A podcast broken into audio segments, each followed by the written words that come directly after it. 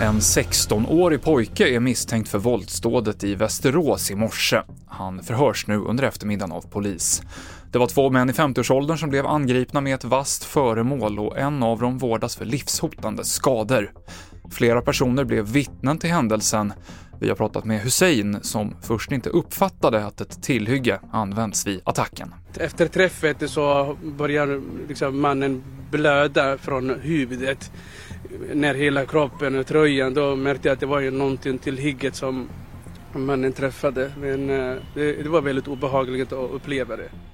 Sverige är på väg in i en lågkonjunktur och Konjunkturinstitutet sänker sin prognos för tillväxten i år och nästa år. Inflationen och höjda räntor gör att folk har mindre pengar att konsumera för samtidigt som börsen har fallit och bostadspriserna börjat vika av neråt. Och Rolling Stones fortsätter sin världsturné idag, skriver sångaren Mick Jagger på sociala medier. Bandet fick ställa in spelningar eftersom Jagger testat positivt för covid-19, men ikväll så står man på scen igen i Milano och den sista juli spelar Stones i Stockholm. Senaste nytt finns på tv4.se. Jag heter Mikael Klintevall.